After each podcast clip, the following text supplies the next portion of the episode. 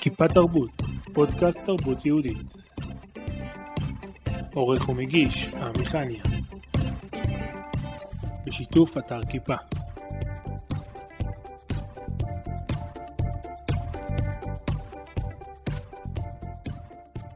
תראה חיימקה, אני ראי הכרתי אותך כחנווני ישר ואמין, והנה, אני רואה שאתה גנב.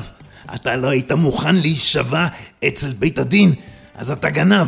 אתה לקחת את הכסף ואתה תחזיר אותו. אני אדאג לכך שכל ירושלים ידעו שאתה גנב, אם לא תחזיר את הכסף עד מחר בבוקר. מה שמענו עכשיו? שמענו קטע קטן מההצגה נפוליאון של זהב שעשיתי היום לפני שהגעתי לכאן.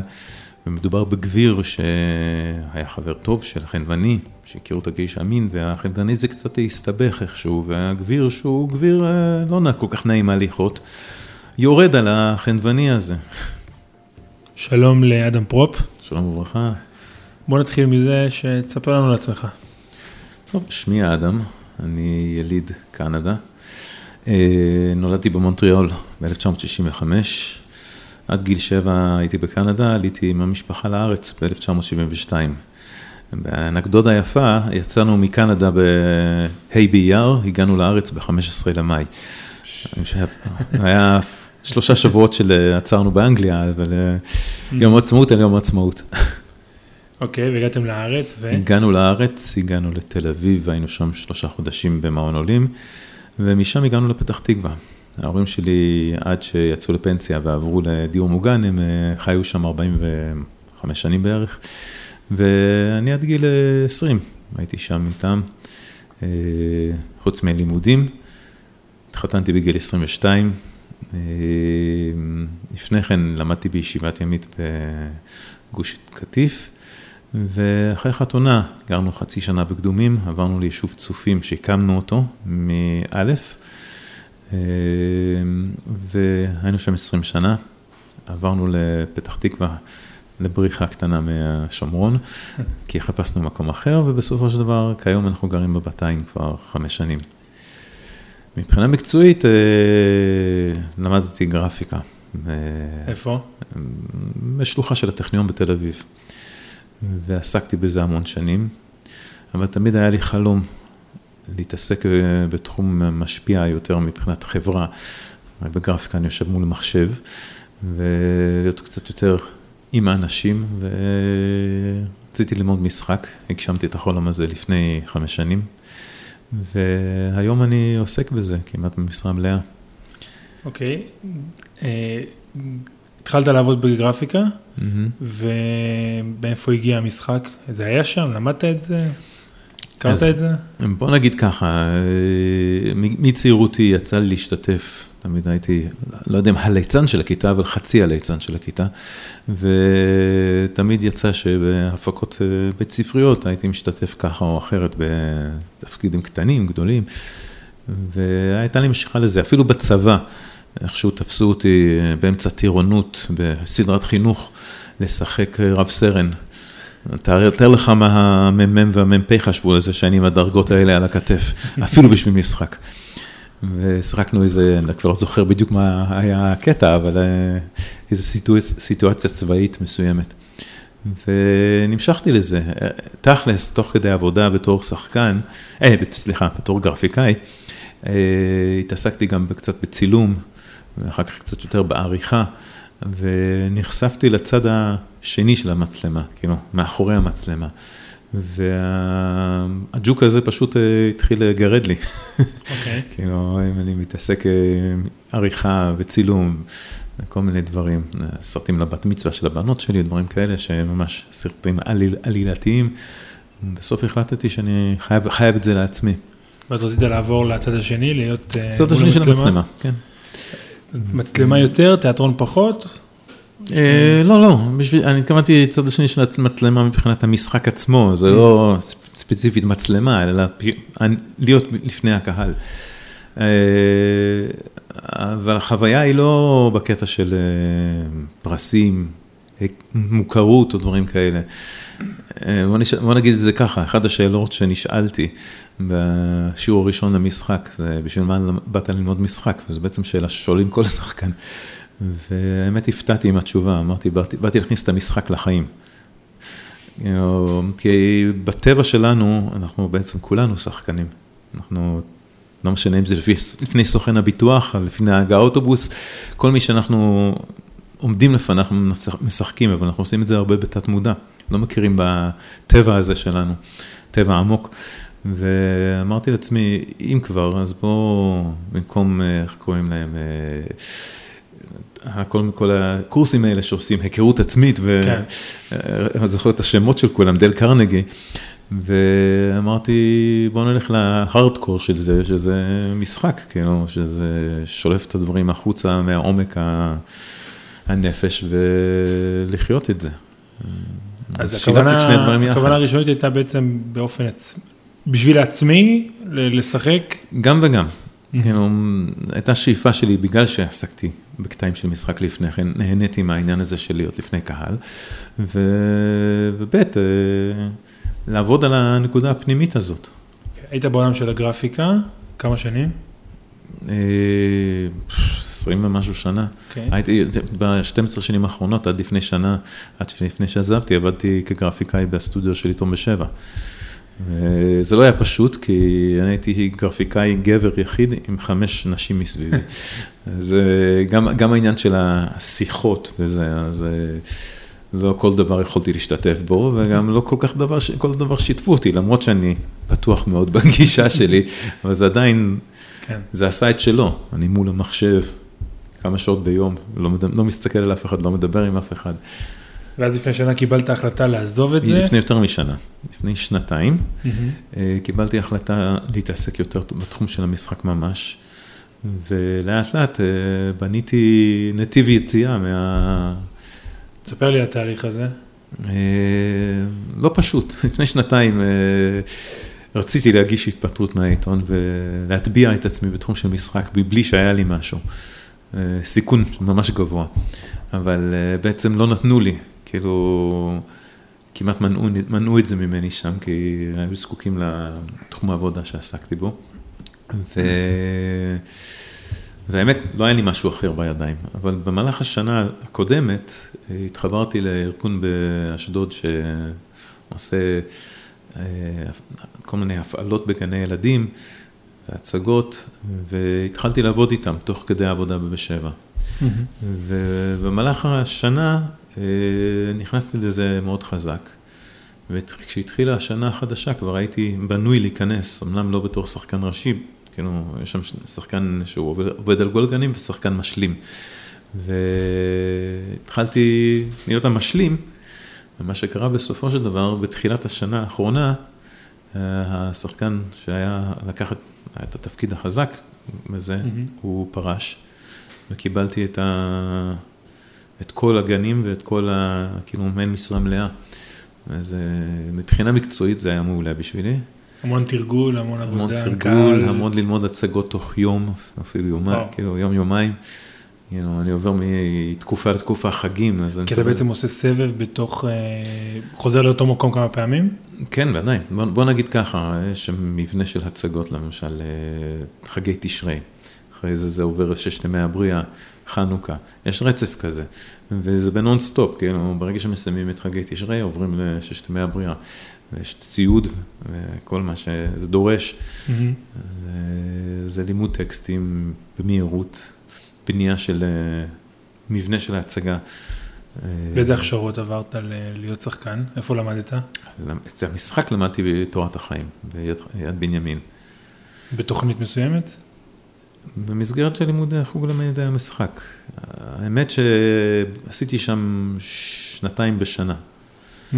כשהגעתי לשם, הגעתי עם רקע של ניסיון קודם בכל מיני תפקידים ודברים שעשיתי, מלימוד עצמי, וכשהגעתי לשם בעקרון לשנה שנייה, קיבלו אותי לתוך השנה השנייה, אה. כי כבר, היה, כבר, היה, כבר, היה לי, כבר היה לי בסיס, וסיימתי את השני, השנה השנייה כ...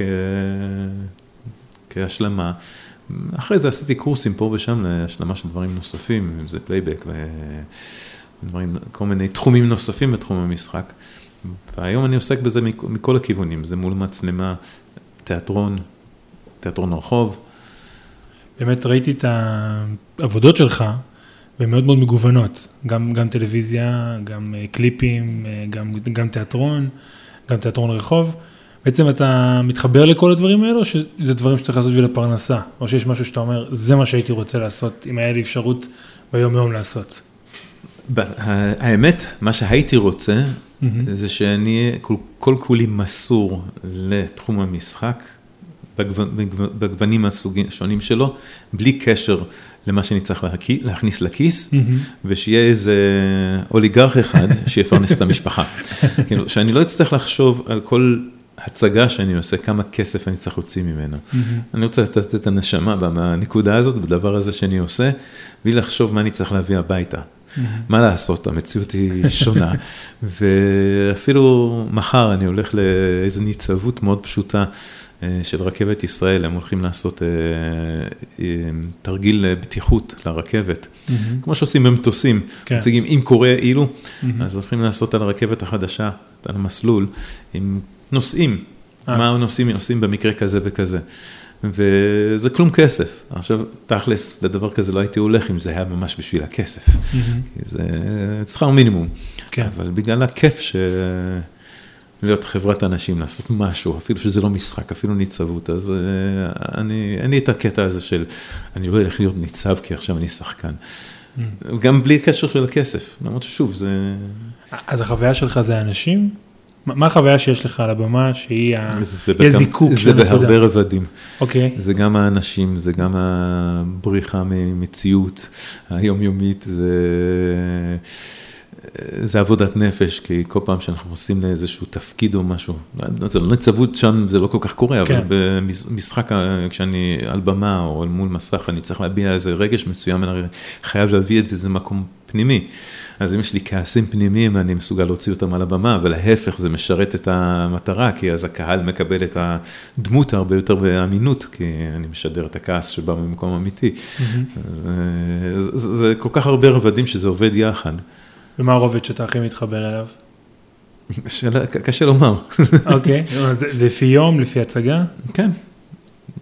מה שאלה, היום הייתי חזר, הגעתי עכשיו מהצגה שעשינו בפתח תקווה, שהצגה שמדברת על תחום של לשון הרע והתעסקות בזה, אז יש כמה קטעים קומיים בתוך ההצגה.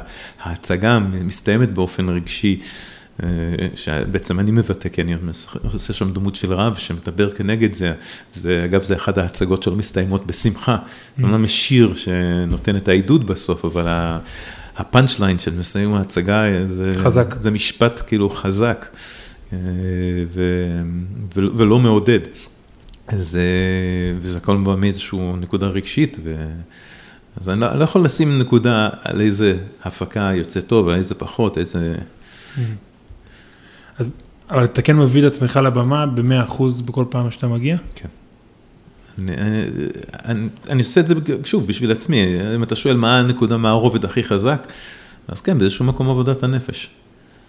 אני, אני לא חי, חושב שהייתי סתם הולך לזה אם זה רק בשביל הכסף. Mm. זה, אני רואה את המקום של עבודה בזה, אז... עבודה פנימית, לא... כלכלית. אז במה אדם של עכשיו שונה מאדם של לפני עשר שנים שעבד אה, בסטודיו? אה, טוב, כמו שאני מכיר את עצמי, אני חברותי גם ככה או ככה, אבל אה, אני יותר מתעסק עם סביבה היום. בסטודיו הרגשת שזה כאילו, אתה סגור ופה זה פתח את זה? כן.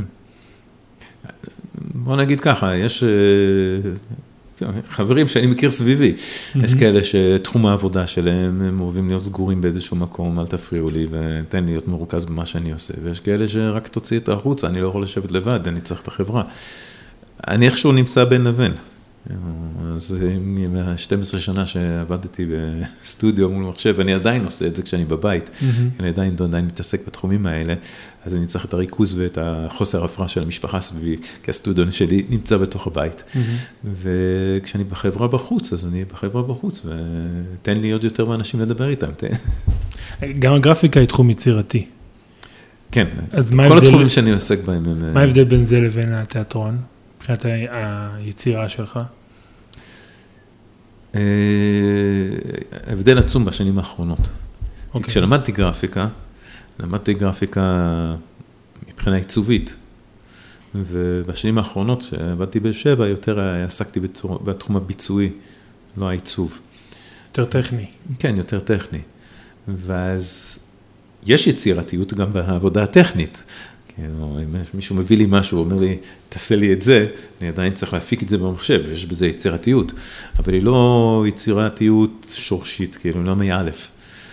ולעומת זה, כשאני עולה על הבמה, גם אם אני עם טקסט מובנה, ועוד יותר כשאני לא, זה אלתורים, אז השמיים הם הגבול. אני, נכון, נכון, מבחינה תרבותית, אם אנחנו מדברים פה על תרבות דתית, או אה, לפחות אה, ערכית, היא מחייבת שמירה על שפה מסוימת, תוכן נכון. אז אני לא יכול להגיד שהשמיים הם הגבול. אבל התקרה מאוד מאוד גבוהה בתחום הזה, כאילו אני הרבה יותר חופשי מבחינה יצירתית. מה התפקיד הכי טוב שעשית? הכי מעניין אותך שעשית? אני לא יודע אם זה התפקיד הכי מעניין, אבל בסיטואציה הכי מעניינת. לפני כשנה השתתפתי בסרט חדש של אה, אבי נשר, שנקרא, אז קראו לזה עולה הרגל, עכשיו כשזה יוצא לקולנוע עוד, עוד כחודש, זה נקרא סיפור אחר, מספר על בעל תשובה. והשחקן שהוא לקח בשביל זה, שהוא לא שחקן, הוא זמר, נתן גושן, הוא הפך אותו לברסלבר. איתו משחקת ג'וי ריגר, גם שחקנית ידועה. ואני קיבלתי שם תפקידון, להיות הרב של אה, נתן גושן. Mm-hmm. ויש לי אה, קטע קטן מאוד בסרט, שאני מלמד בישיבה. והסיטואציה הייתה מאוד מעניינת, כי הביאו לי טקסט לפני כן, למדתי אותו בעל הכנתי אותו, ואני עומד אה, להופיע לפני השח... הבמאי הדגול, אבי נשר, הלהקה, כן. זה, זה התרגשות גם ככה. ואני הולך להגיד את הטקסט, והוא לוקח את הטקסט מהיד שלי, מסתכל, הוא אומר לי, מה זה הטקסט הזה? מה זה הטקסט ששלחו לי במייל? הוא אומר לי, זה לא טקסט. כנראה שלא שלחו לי את הדבר הנכון. אוי. אז הוא נותן לי טקסט אחר, עכשיו פה אני לא יכול סתם לאלתר, הוא רוצה שנקרא טקסט ממשהו מליקוטי מוהר"ן ולהסביר את זה איכשהו. אז אה, הייתי בסיטואציה מאוד מעניינת, היו צריכים להעמיד לי שם אה, פרומפטר לחלק מהטקסט, כי בסופו של דבר הוא אמר לי, אחרי שתקרא את הטקסט, תסביר את זה. עכשיו להסביר, אתה נותן לי את האפשרות עכשיו לקצת אה, אימפרוביזציה. ואז את הקטע שקראתי צילמו אותי מאחור, כך שלא רואים אותי מסתכל על הפרומטר. Mm. את הקטע שהלתרתי צילמו אותי מלפנים. זאת אומרת שאתה את הפירוש שלך על הטקסט? אז נתתי איזשהו פירוש שלי. זה היה חוויה מאוד מעניינת ומרתקת. וזה קרה גם פעם שנייה, גם זה לפני כחודש, וגם זה הסרט שיוצא ממש בקרוב, עם במאי נוסף מאוד גדול, עמוס גיטאי. והוא מוציא סרט עכשיו שנקרא אה, הרכבת הקלה. מספר כל מיני סיטואציות על הרכבת הקלה בירושלים. Mm. אה, הוא שכר שתי קרונות, הכניס לשם 150 אה, ניצבים, ולקח כמה דמויות לעשות כל מיני סיטואציות שונות. אז uh, היו שם uh, חנה לסלאו, uh, זמר, כמה זמרים, זמרות, מיני, מכל התחומים, מכל המגוונים, הוא גם מצא חרדים בעניין. אז איכשהו הגיעו אליי, ואני עם עוד שניים, יצרנו איזשהו, שוב, נתנו לנו, תעשו משהו, רעיון, תוציאו אותו החוצה, וזה, ולקחתי שם משהו אוניברסלי לחלוטין, פסוק, אבל אוניברסלי. כי תראה חמור אחיך רובץ תחת מסעו. הסברתי את הפסוק הזה ברמה האוניברסלית שלו. זה בנוי קצת על המפרשים. לוקחים שם את הנושא של חומר, חמור זה חומר בעצם, mm-hmm. רובץ תחת מסעו, מתקשה כלכלית, מי מאיתנו לא מכיר את זה. שונאך, למה שונאך? כאילו, אתה רואה מישהו אחר שהוא מתקשה ואומר לה, מה, הוא לא עובד, הוא לא יכול, לס... אל תראה אותו כשנא. כתוב שם בסוף, עזוב תעזוב עמו, כאילו, תעזור לו, אבל למה זה כתוב פעמיים, עזוב תעזוב עמו? זה רק, הרי אנחנו מכירים את הסיפור הזה, כשאתה רוצה לעזור למישהו, אל תיתן לו כסף, תן לו חכה. תלמד אותו לדוג. אז uh, בעניין הזה, עזוב תעזור עמו, אל סתם תעזור לו ותן לו כסף וזה, אלא תמצא לו משהו שהוא יוכל בעצמו להרים את עצמו מתוך זה ולעבוד. ואחר כך שרנו גם איזה שיר שם, אז הבאתי את הדבר הזה בעברית, כמובן זה הולך לפסטיבלים, זה יתורגם לאנגלית, אני מתאר לעצמי. אז אה, שוב, זו הייתה גם חוויה מאוד מעניינת, יש לך, עמך, ישראל סביבך. שוב, זה, זה מצולם ממצלמה, אבל אני 150 ניצבים סביבי גם, וזה כמו הצגה. כן. זה גם מסך וגם אה, קהל. זה איזה שני דברים שממש אה, היו מאוד מעניינים מבחינתי, מבחינת העבודה על זה.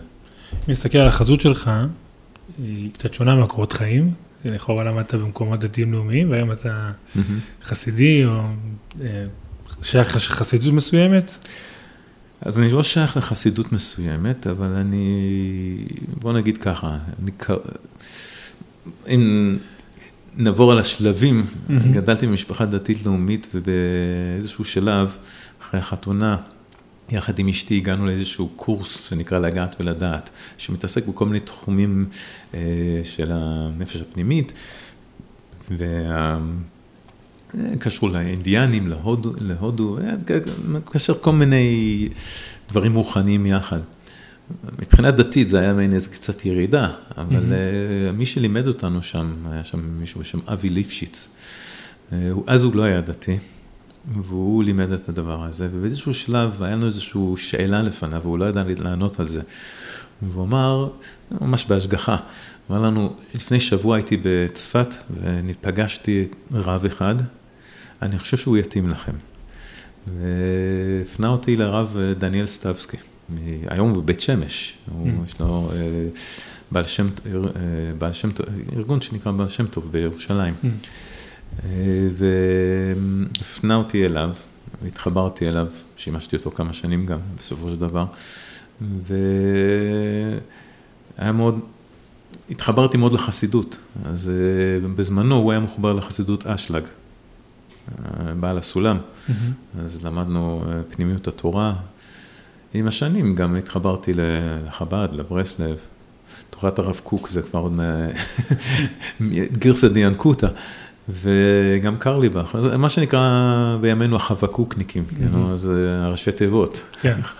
חב"ד, ברסלב, קוק וקרליבך. Mm-hmm. זה, אז אני לא מוצא את עצמי ספציפית בחסידות מסוימת, או בתפיסה חרדית מסוימת, הלבוש, לא רואים אותי, אבל כן. הלבוש שלי הוא שטטלי כזה, הוא אה, קסקט, וסט, חולצה לבנה, ואני רואה את זה כאיזשהו מטבע כזה, זה, זה הדמות שלי, שאני לא מנסה להיתפס. זאת אומרת, אני אמנם עם זקן ופאות, אבל זה, זה כאילו, שמים לי איזשהו uh, תיוג, כן, זה טייפקאסט, אבל uh, כבר יצא לי לשחק בסרט של תורת החיים, אז החבאתי את הפאות כמו חסיד גור מתחת לכיפה הסרוגה, ושיחקתי אבא סרוג. אז, uh, you know, זה, זה לא מונע ממני לעשות אה, מגוון תקווידים, אני מתאר לעצמי שאם אני אקשור את הפאות מאחורה כמו איזה קוקו, ואקשור את הזקן גם עם קוקו, אני יכול להיות רוכב אופנוע מההרלי דיווידסון כאלה, אז הטייפקאסט הוא לא נעול. אה, יש תפקידים ששיחקת שהם לא בטייפקאסט? אה, כמעט ולא, הם אחד התיאטרונים שאני עובד איתם. רענן עם יהוד, תיאטרון רענן, אני עושה הצגה שמחה שבלב, שם אני משחק ילד קטן. וואו. אז uh, אני עם פאה וקסקט אדום על הראש ווסט. והזקן? הזקן, אתה יודע, ברגע שאתה מתחיל תפקיד על הבמה, אתה עושה אותו מספיק טוב, הילדים כבר, זה, זה הצגות ילדים, הילדים כבר לא רואים את הזקן, הם כבר לא שומעים את הכל. תן לי ילד רגע. השמיים יפים, השמש זורחת והציפורים מצייצות, ואני הולך לדרכי לחפש לי עוד תעלולה לעשות. וואו. אה, אז זה משחק עם הכל, וזה, בשביל הילדים זה עובד. כן. אנחנו הרבה שואלים את עצמנו בפלייבק, שאנחנו עושים, כן. האם אני למשל גם כן עם זקן וגדול והכל, האם אני יכול אה, להיות ילד, ובאמת זו תשובה. השנייה הראשונה אולי זה קשה, אבל אחרי זה זה יכול להיכנס אה, פנימה. זה עבודה שלנו בתור שחקנים, אה, אם אנחנו מספיק טובים בזה, אנחנו נכנסים לדמות ואנחנו משכנעים את הסביבה. אחת הדמויות אה, שאני תופס אותם בתור אה, אב טיפוס, אה, תחום המשחק זה וודי אלן. אחד הסרטים שאני מאוד מתחבר אליהם זה זייליג. סרט שהוא, הרעיון של הסרט הוא דוקומנטרי, על בן אדם שלכל חברה שהוא מתחבר או בא אליו, הוא נהיה כמוהו. אה. זה נכלל בחברה של כושי, נהיה כושי, הוא בא בחברה של יהודים אה, אה, ניו יורקרים, אז הוא גדל זקן פאות, אם הוא יושב עם פרופסורים, פסיכולוגים, הוא נהיה, מדבר, התחיל לדבר כמו פסיכולוג. אז אני מאוד מתחבר לקטע הזה של להיות זייליג, אתה נכנס לחברה מסוימת. אני לא יודע אם אתה מזהה את זה, אבל פתאום נהיה לי קול של שדרן. אני צריך להכיר את הקול הרגיל, אבל כן. הקול הרגיל שלי הוא קצת אה, גבוה יותר מזה. אה. אני כאילו, אני רואה מיקרופון למשל, אז אני... יש תפקידים שלא היית עושה? כמובן. אני כמו נגיד סירבתי לכמה, זה, זה לא עניין של תפקידים, זאת אומרת גם אם זה בטייפקאסט שלי, רוצים שאני אהיה רב אה, שמצטלם לאיזה סיטואציה של אה, בני זוג שמדברים ביניהם, אבל מתחילים להשתמש בשפה לא יפה, או מדברים על דברים שהם לא מתאימים, אני לא הולך לזה. זה, זה אפילו בטייפקאסט ואני לא הולך. אז לכל תפקיד אתה בודק מה יש, בדיוק רוצים? כן, אני. מבקש סינופסיס אם, אם אה, מסוגלים לתת, אם מדברים פה באמת על קטע של תרבות יהודית, אני מאוד שם על זה דגש, זה לא סתם קווים אדומים, זה הרבה לפני קווים אדומים. Mm. אני שם דגש על כל מיני דברים. אחד הכללים הבסיסיים שלי, אני לא מוכן להופיע בשום דבר שלא הייתי מוכן להראות לבנות שלי. אז עם כלל כזה, זה נותן הרבה מגבלות, אבל אה, זה נותן לי הרבה חופש. ברגע שאני אומר את זה, אז אה, אני אומר את זה לאנשים, אם ככה, תביאו לי סינופסיס, אני רוצה לראות על מה מדובר, לא רק את הקטע שאני הולך לעשות, אני, אני לא, לא אגיד על כל הסרט, אבל לפחות על ה... או על ההצגה, או... בהצגות בדרך כלל אין בעיה, אבל סרט כן. או סדרת טלוויזיה, לפחות בקונספט שאני מופיע בו, בסצנות שאני קשור אליהן, שלא היה שום דבר שלא התאים לי. קיבלתי הצעה, אגב, על הסדרת טלוויזיה שהייתה עכשיו, אה, אמ, על חברי כנסת, שעשו הצללים. אה, של ש"ס? לא, לא, לא. לא. Okay. אוקיי. סדרת טלוויזיה שממש שודרה לאחרונה, ממשלת הצללים או משהו כזה. קיבלתי הצעה לשחק שם איזה תפקיד מסוים, וקראתי את הסינופסיס, מיד אמרתי לא.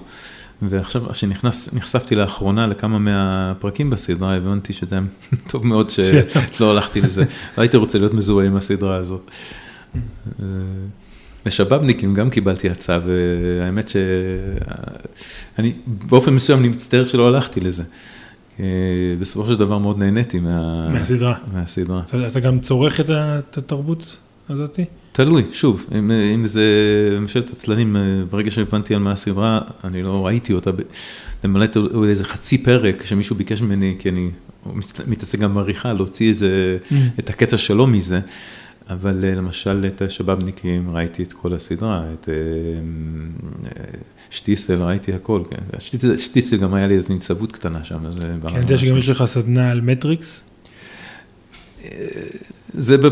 תסביר מה זה. זה, בוא נגיד ככה, זה לא במציאות. אוקיי. תרתי משמע.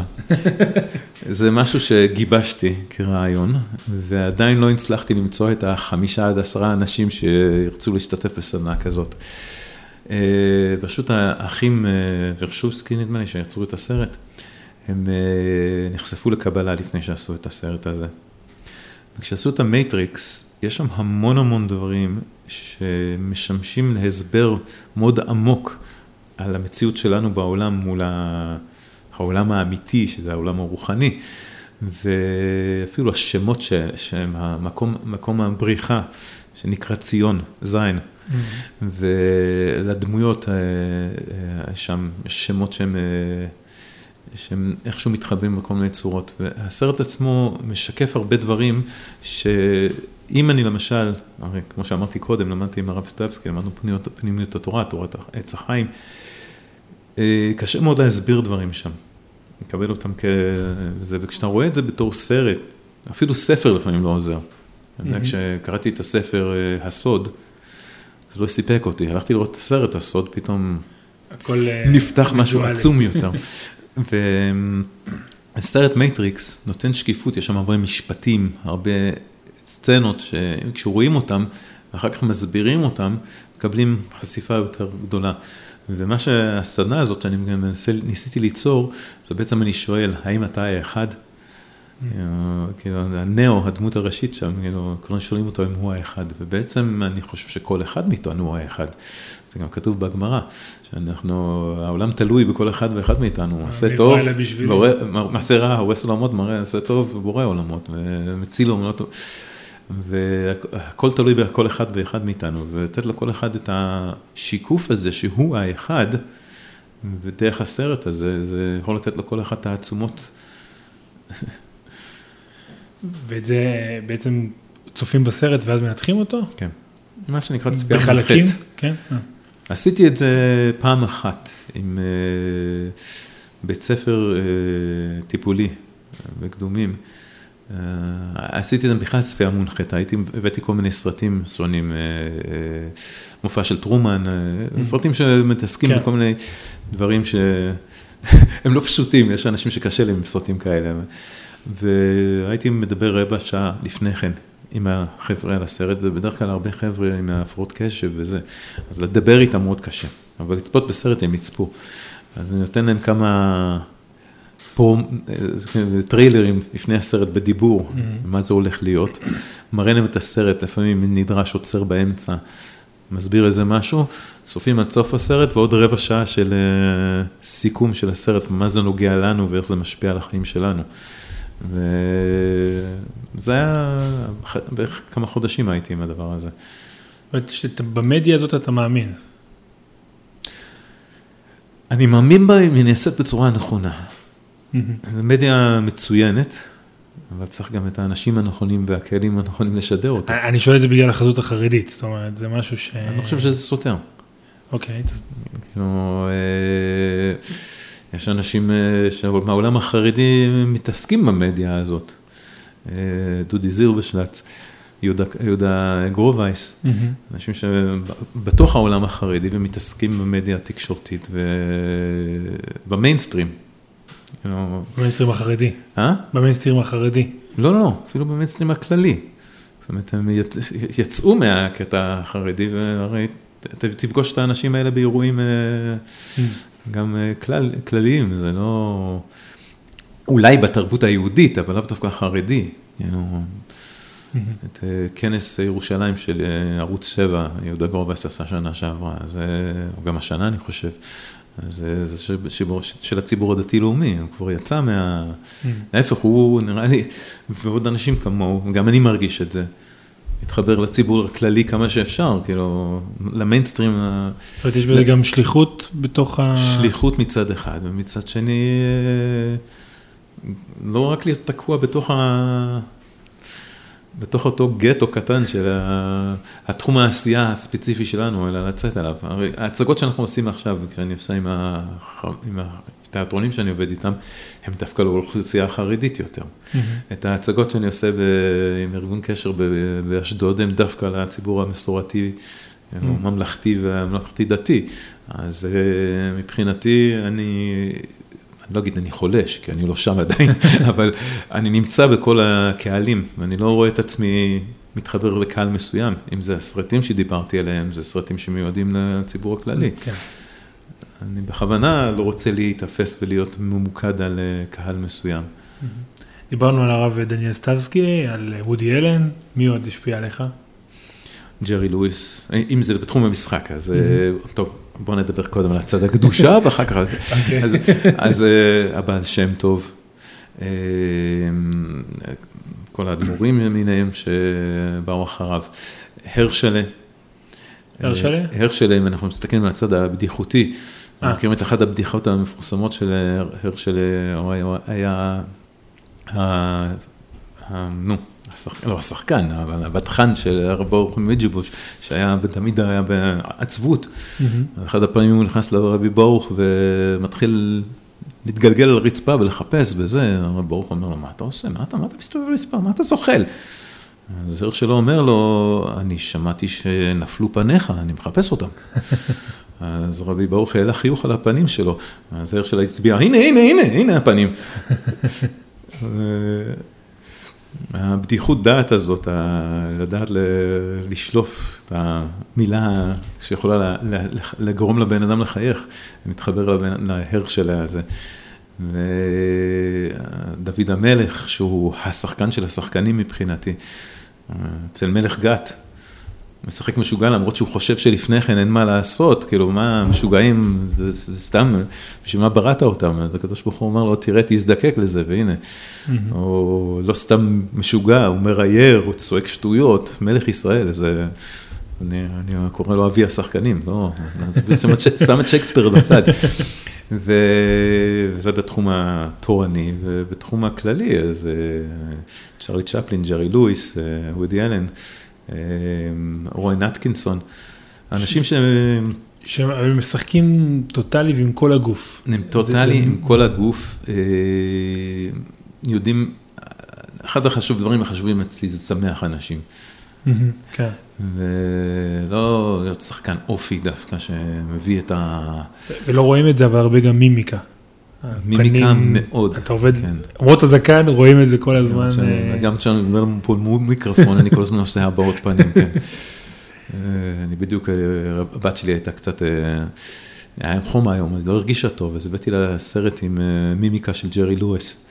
אה, מהמם. אמן מימיקה מדהים, כאילו, מבחינת ה... אני לומד מזה הרבה, כאילו, זה ההבעות הפתאומיות האלה, אני יודע, אפשר לראות את זה פה, אבל... כאילו, דברים כאלה ש... כן. שימוש בשרירי הפנים עד תום. אוקיי, וכתב- וכתבת עוד ש- שתיים, לפחות במשהו מוקדם, סטיב ג'ובס ואשר הצייר. אז מבחינה יצירתית, אה, אין מחסומים. אז סטיב ג'ובס זה דמות, אה, אני פשוט משתמש אפל מכבר 25, בוא נגיד ככה, אני משתמש במקינטוש, אני לא משתמש באייפון. אני משום מה לא סובל את המכשיר הזה, אבל אה, במקינטוש אני משתמש כבר 25 שנה, אם לא יותר. אני עוד התוודעתי לזה עוד באפל 2 ב-1983.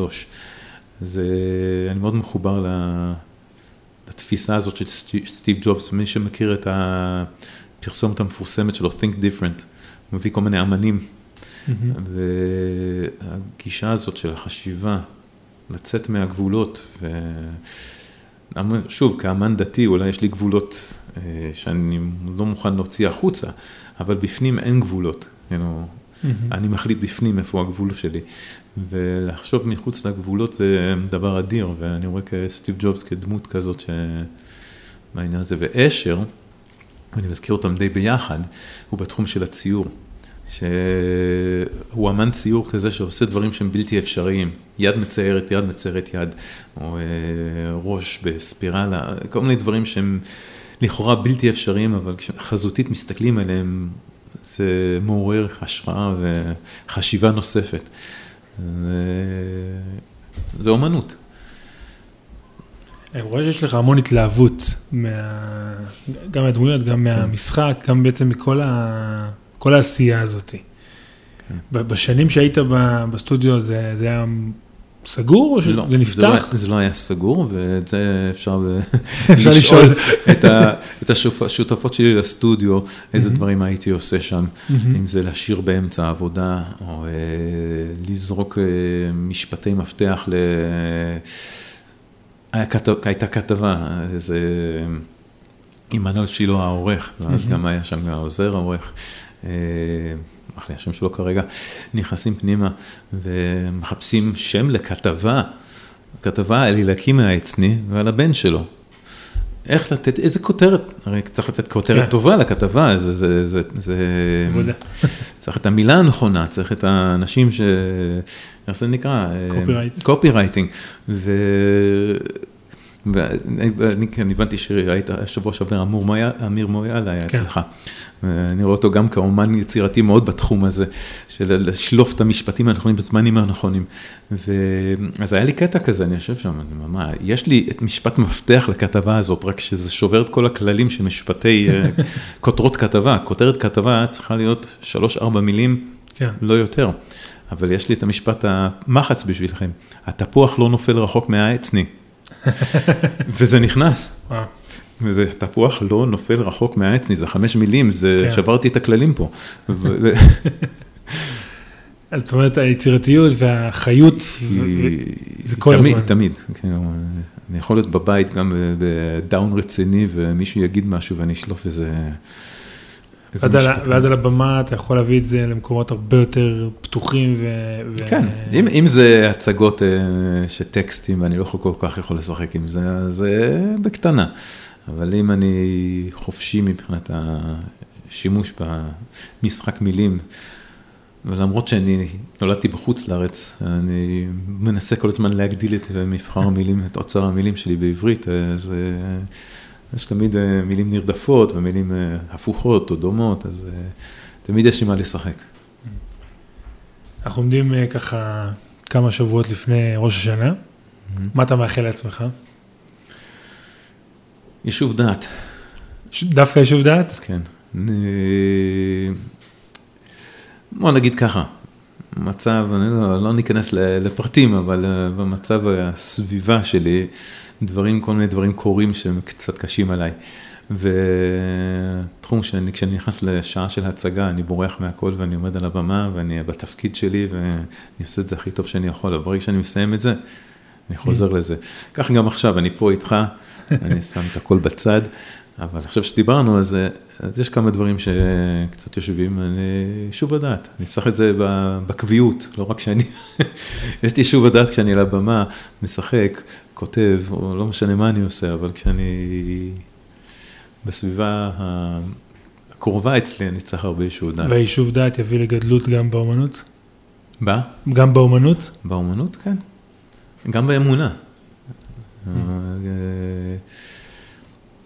האמונה מבחינה הזאת היא כל הזמן מתחזקת, אני, כאילו, אני יודע שיש בורא לעולם והוא מנחה את הכל, וגם בזמנים קשים הוא, הוא שם אותך בכוונה במקום הזה. ו- זה גם, זה מחזק, אבל זה, זה לא פשוט. אדם פרופ, תודה רבה. תודה לך, מאוד, אה, נהניתי מאוד מהשיחה. תודה רבה. כיפה תרבות, פודקאסט תרבות יהודית. עורך ומגיש, עמי חניה. בשיתוף אתר כיפה.